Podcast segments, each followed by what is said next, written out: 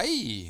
Hjertelig velkommen til en splitter ny episode av podkasten Utafor, men innafor. Produsert av for og med Parkinsonforeningen i Oslo og Akershus. Og programledere er Serlin Erlandsen og Edgar Waldmanis.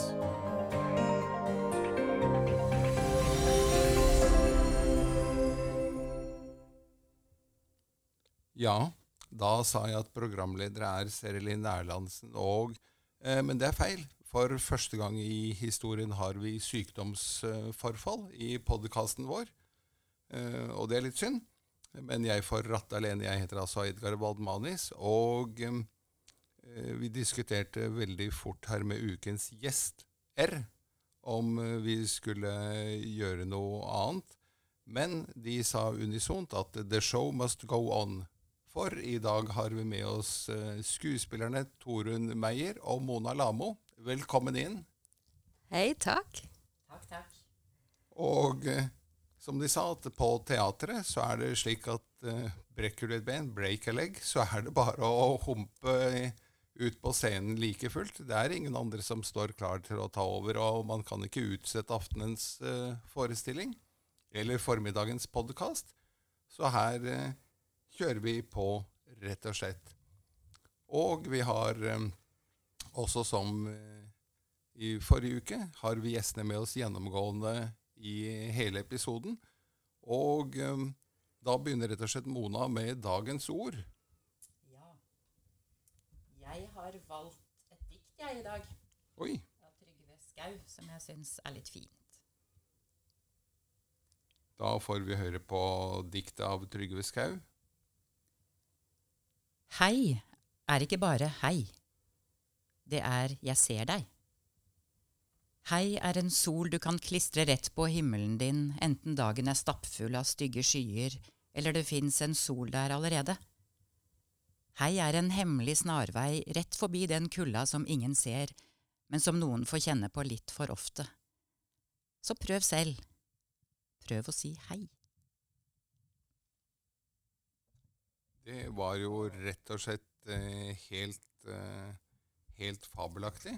Så flott. Vi har faktisk hatt dette opp i en tidligere podkast. Det, er ganske langt tilbake, halvannet år tilbake da vi så vidt hadde begynt.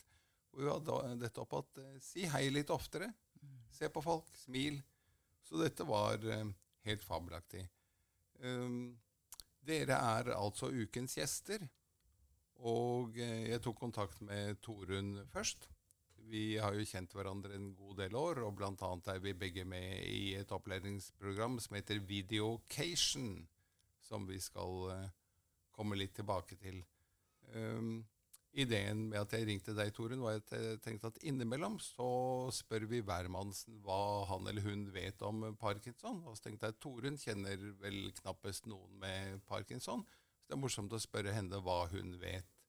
Men så sa du Ja, jeg sa jo, jeg kjenner jo mennesker med parkinson, jeg òg. Jeg hadde ei tante med parkinson, men det var veldig lenge siden på 70-tallet, så jeg var veldig lita da, så jeg husker jo ikke så veldig mye i forhold til, eh, forhold til sykdommen sånn. Men det jeg kan si mer nå, er jo at jeg kom til å tenke på Mona, fordi at Monas eksmann har jo parkinson. Så ringte jeg Mona og spurte om hun også ville være med på dette. Ja, akkurat. Eh, hva har du sett av symptomer hos eh, ham? Eller kjenner du ham bare perifert? Nei, jeg kjenner jo eh, eksmannen til Mona. Jo, jeg har jo sett kanskje dette med Jo, skjelving er vel det jeg har sett, tenker jeg. Ja. Ja. Og så kjenner jo vi to hverandre. Ja, det gjør vi jo. Så det, ja. Så det er egentlig det jeg, jeg forbinder kanskje mer med, med parkins. Det er egentlig det jeg Jeg kjenner jo ikke så mye til andre, andre symptomer, egentlig. Nei, og det var jo dette som var noe av det første doktor Parkinson eh, la merke til hos en del pasienter tilbake på 1700-tallet, er vi, i London. Hvor han kalte sykdommen for eh, the shaking palsy. Og det var først etter hans død at den eh, fikk navnet hans. Men det er altså det som går igjen, er, eh, er skjelvingen som det mest markante. Det er derfor vi også har gule armbånd hvor det står 'shaken, not stirred'. Herlig. Parkinson. Så vi sitter her med James Bond. Noe sånt. Men eh, du, Mona, hva, da kan jo du utdype litt, siden din eksmann eh, har parkinson. Det er noen som sier 'hadde', eh, men det er jo For deg som er ny og snublet innom en podkast her Parkinsons sykdom er ikke noe man blir frisk av i det hele tatt, så det er helt uh, malplassert å si 'du får god bedring'. Og dette sier jeg til en del folk. Altså når vi skiller lag, så sier de 'ja, du får god bedring', da. Like fullt. Men det vet jo du at det Sånn er det ikke, nei. Nei. Da. Det eh, har jeg vært klar over hele veien. Men det var jo sånn som Torunn sa, det første som slo meg, var jo det med skjelvinga. Når vi liksom møtte hverandre litt sånn Skulle levere ting, komme oppom og snakke. Så tenkte jeg ja, her var det noe som var annerledes enn før. Ja. Og, eh, og så var det jo Det var en legeundersøkelse han var på. Som den legen som var der, var en ortoped, skulle sjekke noe helt annet, som sa det. At her tror jeg kanskje vi skal sjekke om det kan være parkinson. ja. Så det kom helt overraskende sånn sett på han. Um, Men når han ser tilbake, eller når, når du ser tilbake, for dette skjer med de aller fleste jeg snakker med, så ser vi at jeg fikk diagnosen i et eller annet årstall. og sier- Men jeg har jo egentlig hatt det mye før det. Fordi man spoler tilbake i minnet og tenker på når var første gang jeg snublet eh, mer enn tre ganger på en vanlig bytur. Når var det jeg eh, begynte å skjelve, liksom? Miste luktesansen. ja. Og jeg tror, når jeg tenker tilbake, det er litt vanskelig å vite da, om jeg tillegger noe som ikke var der, men han har jo alltid vært litt sånn snublete. Akkurat. Liksom, øh, og brakk tåa si mer enn én gang, og fordi han kom borti ting. ikke sant? Litt sånn. Jeg husker jeg kjørte han av gårde til legevakta. liksom Vi lo jo litt av det, da. At han på en måte ja, på en måte var litt klumsete òg. Så derfor så har jeg jo tenkt, jeg òg, kanskje det var mye før. For vi hadde jo vært skilt noen år når han fikk denne diagnosen. Akkurat. Så, Hvor eh, gammel var han uh, selv da han fikk Jeg tror han var rundt 64. 60, 65, noe sånt. Ja.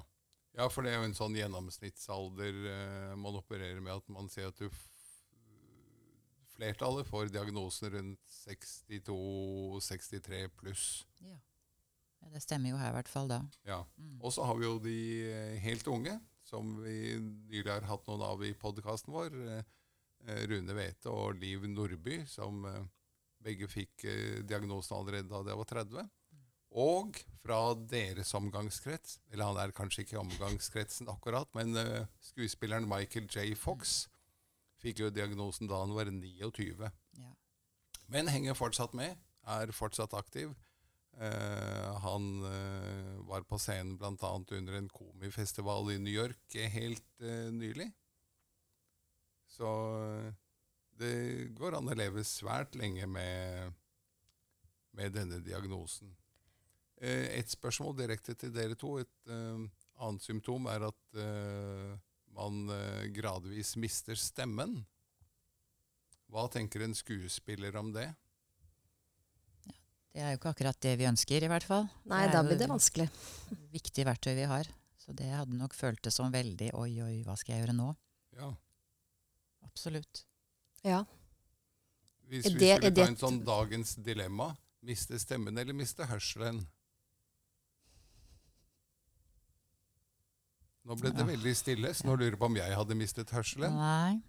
Det syns jeg var veldig vanskelig, fordi begge deler, er, begge deler er viktig.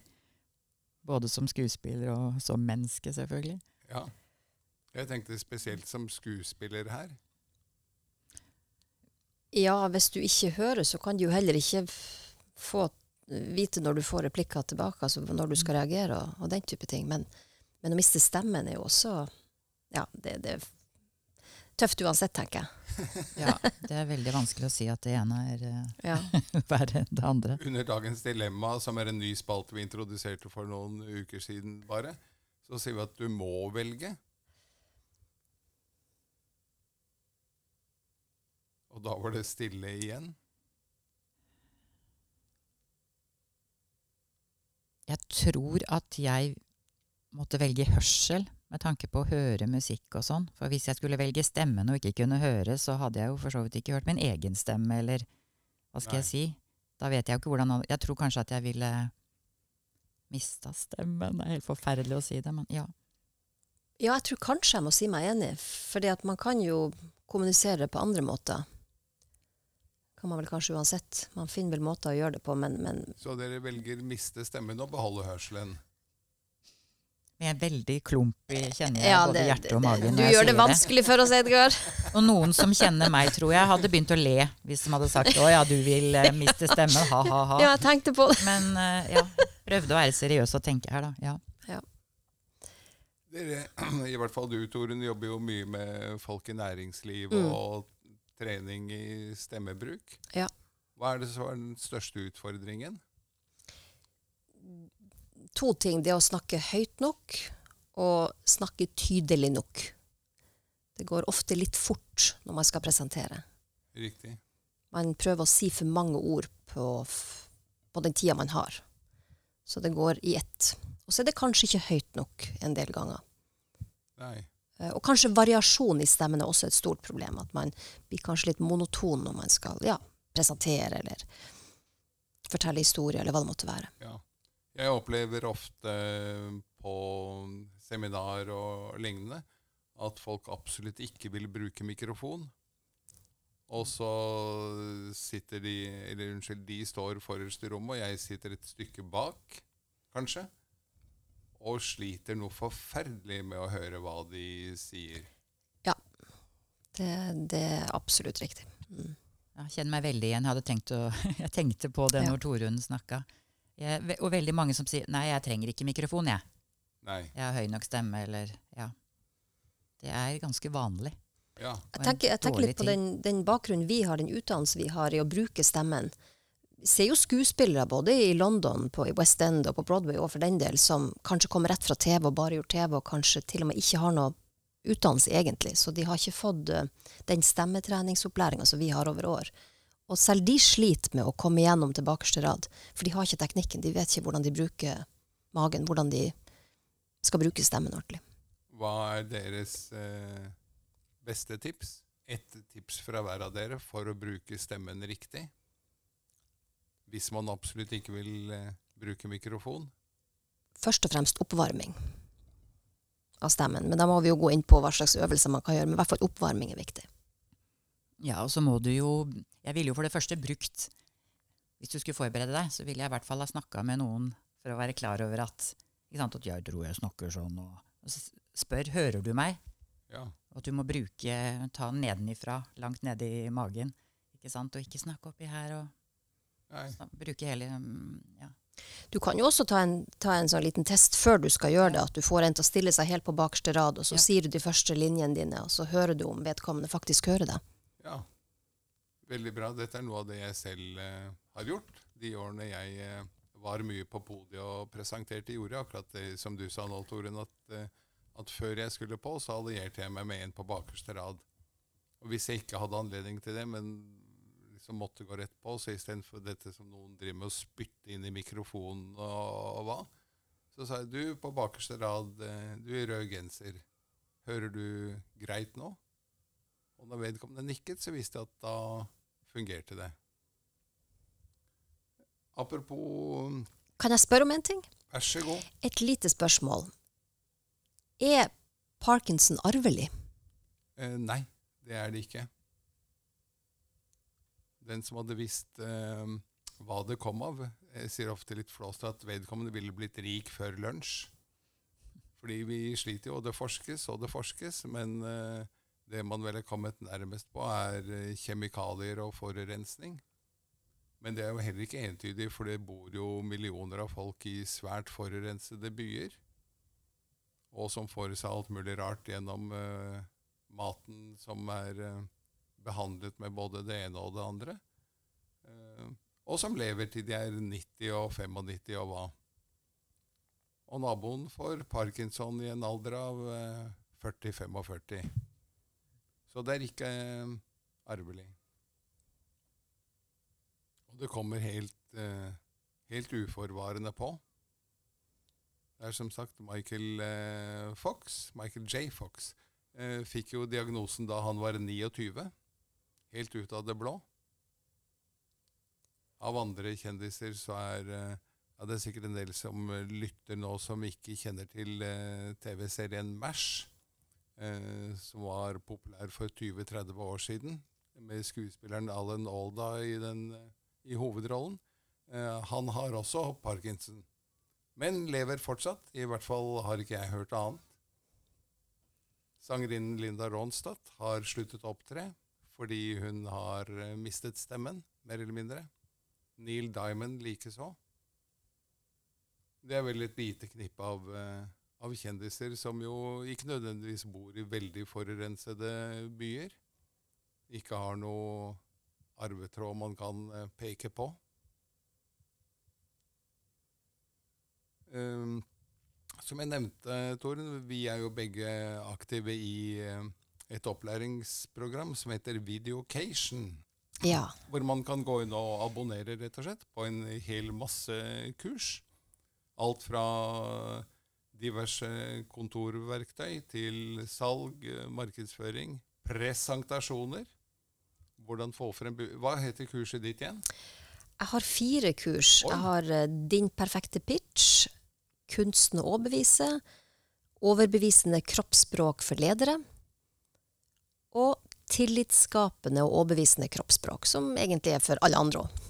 Ja, det er jo en pen liten bukett. Jeg har et par kurs der om nettverking og smartere bruk av LinkedIn. Og det jeg tenkte på, var at eh, når man får eh, parkinson, så gjerne vil fortsette i jobben, fordi man enda har en god del år igjen, eh, så blir man anbefalt å gjøre en avtale med Nav om lønnstilskudd og ting. Men eh, burde ikke Nav egentlig påspandere en uh, god bukett av disse kursene på Videocation, så folk uh, kanskje kunne delvis omskolere seg?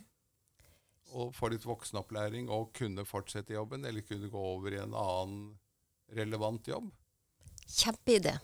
Absolutt. Så du, ja, tar du kontakt med Nav og kontakt med Videocation, så kan de få til det. Ja, det hadde vært en bra idé.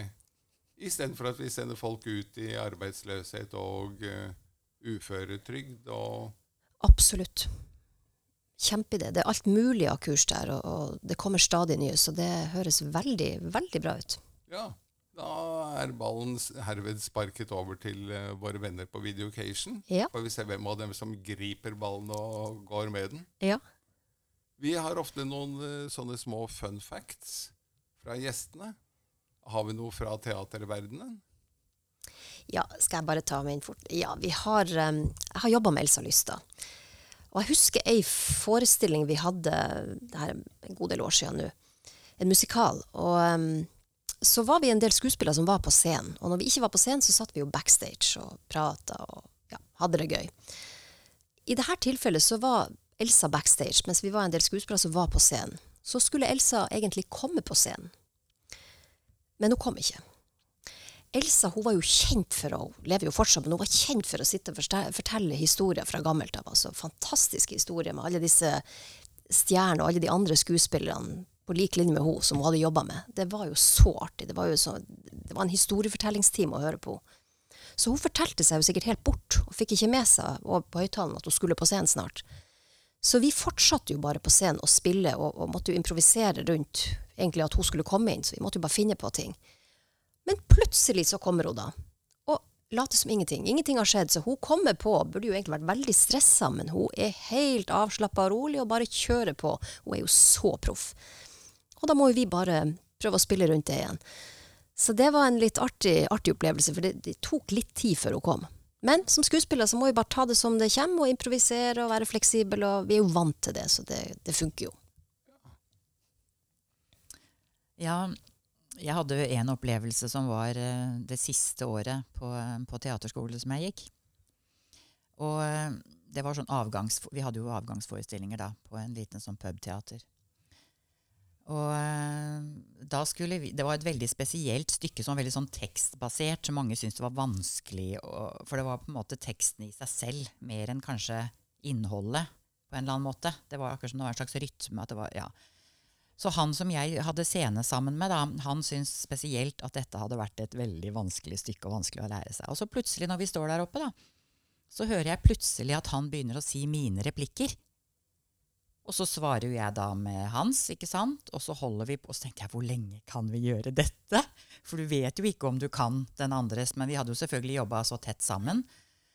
Så det var en sånn nervepirrende sånn ikke sant? Du så begge to hadde litt Han hadde litt høye skuldre, og liksom, så skulle vi være proffe og late som. Og så gikk det seg jo til, da, til vi på en eller annen måte klarte å komme over til våre riktige replikker.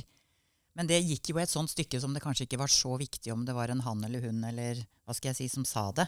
Hen? At ikke det var eh, kjønnsbetinga, Ja. da. Den ene replikken. Det var, eh, men det var ganske sånn Du, du blir jo så på alerten. Hvordan skal du løse dette her? Og jeg tror det var i det samme stykket hvor, hvor det var noe sånn som eh, Helt bokstavelig, jeg tror jeg står den veien mot deg, liksom, så er det en dør bak meg. Og så skal jeg på et eller annet tidspunkt si 'and then I close the door'. Så skal jeg snu meg, lukke døra, gå akkurat da. Og så snur jeg meg, så er jo døra allerede lukka også, ikke sant? Forrige gang. Alt ble liksom litt sånn Hva gjør du i de derre Så det er noe med å liksom Du blir veldig sånn klar over at du må være til stede, i hvert fall. Og til mer til stede du er, til mer klarer du å improvisere. Og um, Og jo bedre forberedt eh, du er, Absolutt. Jo mer klarer du å improvisere, er min erfaring. Ja, og det er, det, det er det samme jeg egentlig mener med, med de ordene jeg brukte. Ja. Du må være forberedt. Du må vite hva du skal. Til mer du vet hva du skal, til mer kan du slappe av. Det er ikke sånn motsatt som mange tror. Nei, Du skal være godt forberedt for å kunne improvisere. Så absolutt. nemlig. Jeg har en annen, bare i forhold til Ja. det vi også har drevet med presentasjonsteknikk, som du også har jobba med, Edgar. Jeg skulle ha kurs for advokater her i byen. Og vi hadde et lokale, et hotell, jeg sier ikke hvilket. Og vi skulle da inn på et rom der. Så kommer jeg da tidlig på morgenen. Arrangørene kom fra Danmark. Det var ganske viktig å få dette her til å funke. Så kommer vi inn, og så var det fullt på det hotellet. Så det rommet vi skulle ha, det kunne vi ikke få. I stedet ble vi sendt opp i baren på toppen av hotellet. Jeg kommer da opp tidlig i morgen i denne baren. Det så ikke ut. Det var jo ikke rydda ordentlig. Det var jo ikke klart, egentlig. Så vi kommer opp, og vi, vi må jo rigge til sånn at vi kan spille i denne baren, altså ha kurset, eh, gjøre presentasjonene våre, få powerpoint, og det vi måtte trenge, ha litt plass så vi kunne gjøre øvelser. Det var en utfordring, og arrangørene de fikk jo helt hetta, de var jo dansk. Jeg tør nesten ikke si hva de sa på dansk. Men det er utrolig hva vi får til når vi bare gjør det vi må. Og som skuespiller så er vi vant til å spille, i hvert fall hvis man har jobba som frilans, på de mest utrolige plassene.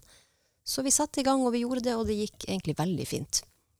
Så det er jo ingenting som stopper oss. Alt er jo mulig. Alt er mulig med den rette innstillingen, og hvis man sier at men eh, the show must go on, Ja, nettopp. Det var akkurat det. så går det jo å seg til. Før vi runder av um, gjesteseksjonen sånn som den eh, pleier å være, så tenkte jeg skulle ta spalten Fem kjappe. Og her eh, må du altså svare kjapt, og du må velge en av delene. Hvem vil eh, svare? Nei, jeg kan begynne, jeg. Kino eller TV? Kino. Fordi Det er noe med atmosfæren.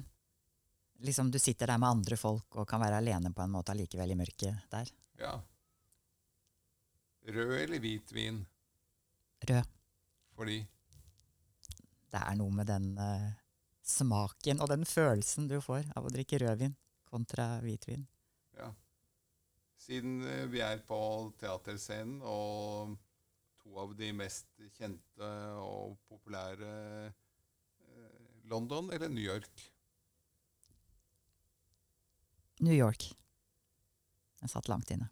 Ja, jeg så det på kroppsspråket. Det er ganske morsomt å sitte i studio i dag, for det er faktisk veldig mye kroppsspråk på noe som jeg trodde var, var et yrke hvor man snakker eh, aller mest. Fotball eller tennis? Fotball. Fordi Ja, Det er morsommere å se på, rett og slett. Det skjer mer. Kan, kan, jeg kan mer om fotball òg. Ja. Kanskje det hjelper til. Og til slutt, siden vi eh, er på vei inn den kalde årstiden, langrenn eller alpin? Langrenn. Ja, langrenn. Ja. Det var eh, fem kjappe. For å runde av så har vi jo det vanlige utgangsspørsmålet, som vi kaller det. Hvem vil du invitere til middag, og hvor? Helt fritt i tid og rom. Og Der Ja. ser det ut som at Mona kaster seg på igjen. Ja, jeg var litt på på her nå. Jeg um, tenkte på en skuespiller, da. Helen Mirren.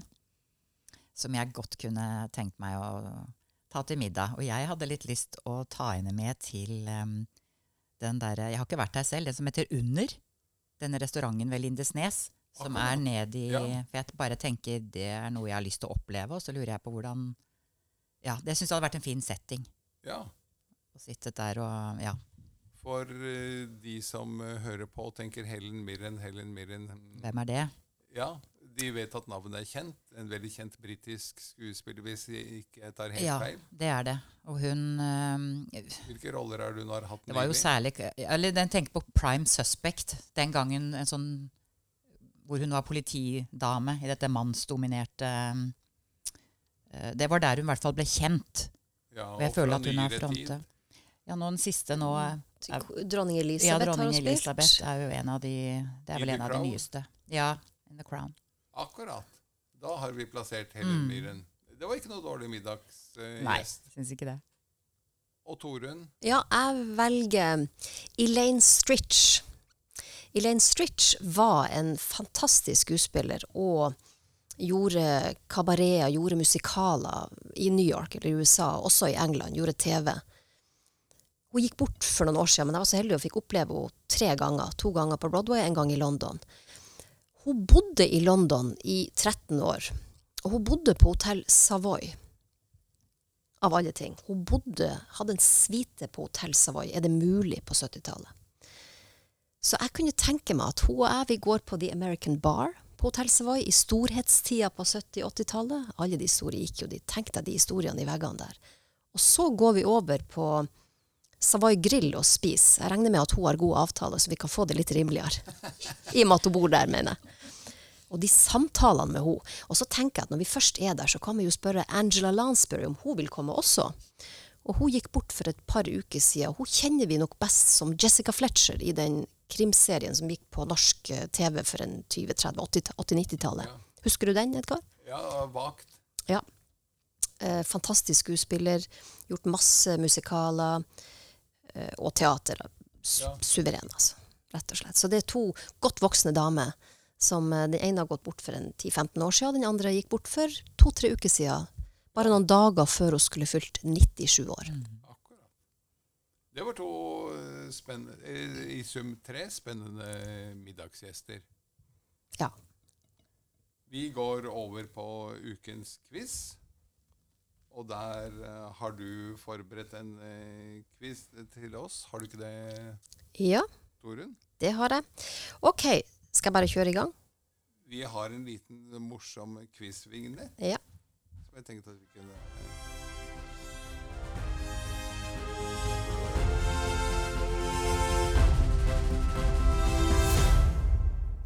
Det er eh, Geir Bratland som har komponert eh, den til oss. Han er ellers keyboardist i Dimmu Borger. Akkurat. Han har eh, laget vignettene våre. Så Det var en feiende intro. Da kan du bare kjøre i gang. Spørsmål 1. Hva heter det norske bandet som hadde sitt store internasjonale gjennombrudd i 1985, og med hvilken låt? De ble for øvrig nummer én på Billboard i USA. Billboard-lista. Da kan ikke det være så mange andre enn a-ha. Mhm. Aha. Aha. Og hva het låta? Den het Skal du svare, Mona, eller skal jeg? Du kan godt svare, du, altså. Da het den Take On Me. Ja, Kan du synge litt av det? Jeg tror ikke jeg skal plage verken dere eller lytterne med at jeg skal synge noe som helst. Men jeg husker det var jo også en fabelaktig video Ja, husker med animasjoner og en slags tegnefilm hvor Morten Harket uh, var ut og inn av tegningene og uh, filmen. Jeg tror det var den også som ga et løft innledningsvis. Ja. Og så var jo låten uh, fantastisk mm. bra. Ja. Helt objektivt sett må vi kunne si at Take On Me er en hit. Mm. Det var Helt suverent. jeg tror den filmen også fikk noen nominasjon. Gjorde Ja, ikke noen pris eller noe? Ja, Ja. Ja. Den var vel noe Helt nytt, var den ikke det? Den. Ja, representerte noe helt nytt. helt ny Mm. måte å gjøre det på. Spørsmål to. Hva heter den norske skuespillerinna som vant prisen for beste kvinnelige skuespiller i Cannes i 2021? Og for hvilken film? Ja, for filmen kan jeg Ja, det var 'Verdens verste menneske' eller noe i den du Yes, helt rett. Eh, men hva hun eh, heter eh, Nei, der må jeg melde pass. Ja, det verste er at det er ikke sikkert jeg heller husker. Jeg husker bare hvordan hun ser ut, og at hun har fått masse utmerkelser og, og um, Ja, all, alle liksom Hun var nominert til en annen stor prestisjetung pris i Europa. Hva var det? Mona? Var det den første du sa, da? ja, det var jo i Cannes. Ja, ja, Hun var ikke Oscar-nominert. Ble hun vel ikke? Ble hun det? Nei. Det var Men, no, filmen var i hvert fall med som ja, men ikke der. Men hun, ja, det, tror jeg. Men Nei, hun ble nominert til BAFTA, ja. altså den mm, engelske mm. skuespillerprisen. Det var Renate Reinsve. Ja, Renate. Ja. Moro. Fantastisk fin film. Og, er hun kjent, eh, liksom? For noe annet? For noe tidligere? Er det jeg som er utafor, eller? det var nok Det var jo hennes gjennombruddet hennes ja, sånn, Stor eh, gjennombrudd. Så hun gikk fra null til flest. eh, 1000 eh, over natten? Ja, for de fleste av oss fleste, gjorde nok ja. det. Mm. Jeg hadde heller ikke hørt så mye om henne. Det var mer sånn det. inside, ikke sant? Hun Ja. drev kanskje med noe teater. At noen visste at hun var dyktig. For hun var vel ønska, tror jeg. Ja, absolutt. den, jeg tror den var vel eh, Var ikke den han, den skrevet for henne? Jo, det tror Det jeg. tror jeg, ja. Mm. Fantastisk film og fantastisk uh, rolletolkning. Spørsmål nummer tre. Hvilken norsk skuespiller har en sentral rolle i Game of Thrones? Dere får tre alternativ. 1. Kristoffer Hivju. 2. Rune Temte. 3. Aksel Hennie. Det er jo han eh, Hivju. Ja. Rødhårede Han med skjegget. Ja. Jeg har faktisk ikke sett eh, ett minutt av Game of Thrones. Jeg tror jeg er en av to nordmenn eller noe som ikke har eh, sett den. Men jeg har jo fått med meg at han gjør det Ja. stort. Mm. Jeg har faktisk jobba sammen. Det vil si, vi var bare så vidt i samme scene i en serie som er Twin. Twins. Ja. Twin. Var det flere Twins. spørsmål du Ja. ja da, har to til. Ok, Spørsmål fire det har vel egentlig du allerede svart på, men uh, hva heter den amerikanske skuespilleren som sto frem med Parkinson-diagnose på slutten av 90-tallet, altså 1998? Og hvilken film er vedkommende mest kjent for? Da er vi på Michael J. Fox. Ja. Og det ble i alt tre filmer i Tilbake til fremtiden. Ja. Det var gøy. Ja. Ett spørsmål til, og denne er vanskelig, Edgar. Hvilken norsk skuespillerinne har spilt hovedrollen i et teaterstykke på Broadway, og hvor plakaten fra stykket fortsatt henger i innramma i foajeen på teatret? I New York. Tre alternativ. Én Wenche Foss. To Liv Ullmann. Tre Lise Fjelstad. Da er jeg Vet du noe, eller? Jeg øh, har vel et forslag der, jeg, tror jeg. Men Ja, få høre. det er vel Liv Ullmann. Ja, jeg Tror jeg, i hvert fall. Det er Liv Ullmann. Hvilket stykke? Hun spilte hovedrollen, så navnet hennes var over, øverst, altså over tegninga på plakaten. Det var ganske morsomt å se på. Det må ha vært et dukkehjem, eh, ville jeg tippe. Ikke helt, men riktig forfatter? Å ja, det var det, ja. Hav... Fruen, Fruen fra, fra havet. havet. Nei. Nora, et dukke... Nei, det var det du sa. Dukke, Ja, et em, dukkehjem. Ja, Fru Alving i yeah. Ja. og er det gjengangere? Gjengangere. Ja, det var det. Ghosts. Ghosts heter det. Ja. Ja. Det var morsomt. Vi var på det teatret, Albert Brooks Theater. Eh, Brooks, Brooks Atkinson Theater, mener jeg, i, i New York. Og så kommer vi inn i foajeen, vi skulle ha billetter til den forestillinga, så ser vi oppe på veggen det altså pryda av Liv Ullmann. Og da skjønner man litt hvor stor hun var, eller er der, rett og slett. Vet du hvor ung hun var da, eller? Når hun Nei, Når var dette her? Det må jo ha vært, må jo ha vært på 70-tallet, kan jeg jo tenke meg. Men det er jeg ikke helt sikker på. Altså. Men eh, det var jo da Jeg hun visste virkelig at var på hun var stor, så jeg holdt faktisk på å si det før du kom med alternativene Ja. i dette tilfellet. Mm. Og eh, etter det så er jeg helt klar på at eh, Lise Fjelstad har ikke vært så stor i utlandet. Og eh, ei heller Wenche Foss. Nei. Mm.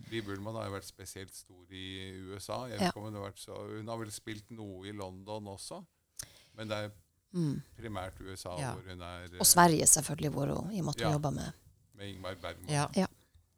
Det var jo en eh, feiende flott quiz. Ja, godt jobba. Flott svart av dere.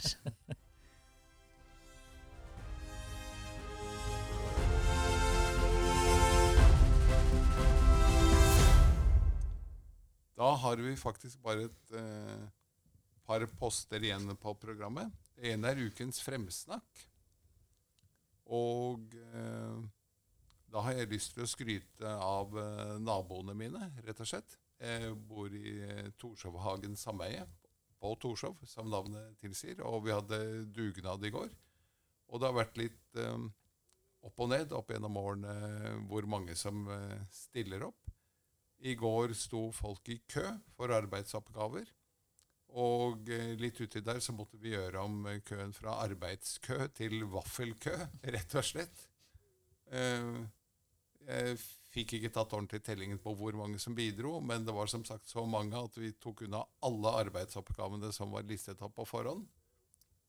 Raking av løv, eh, tømming av ekstra søppel, opprydding i sykkelstativer, eh, rydde inn eh, hagemøbler fra takterrassene vi har, til vinteropplaget der møblene står da. Alt ble tatt unna i en eh, feiende marsj.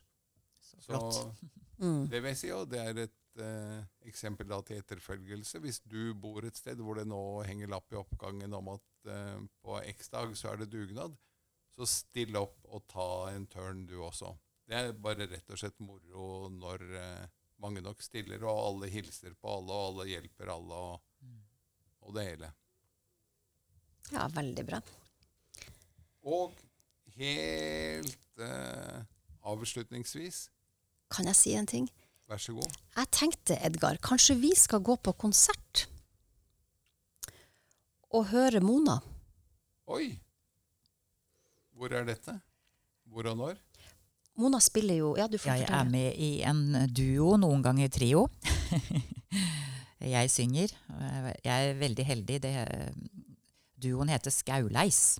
Vi har egentlig bare begynt fra ja, februar, tenker jeg. Januar-februar. Hvor vi traff hverandre. Og jeg er så heldig at jeg får synge noe som eh, Mette, som hun heter, har laget både tekst og melodi til. Og det er veldig sjelden at du får en sånn gavepakke Ja. på en måte.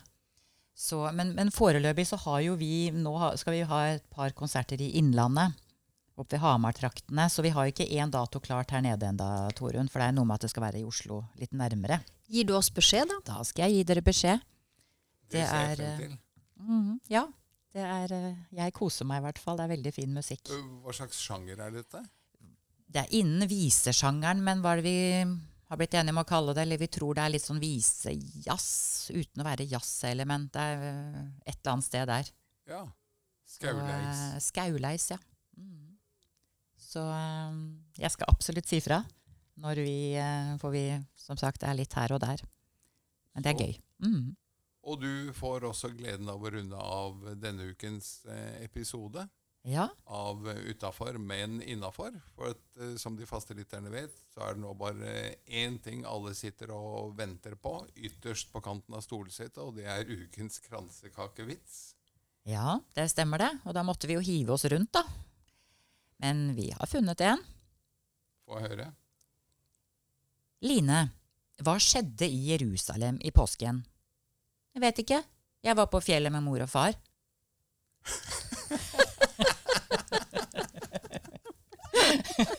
Ikke så dum, den. Det er rett og slett helt fabelaktig.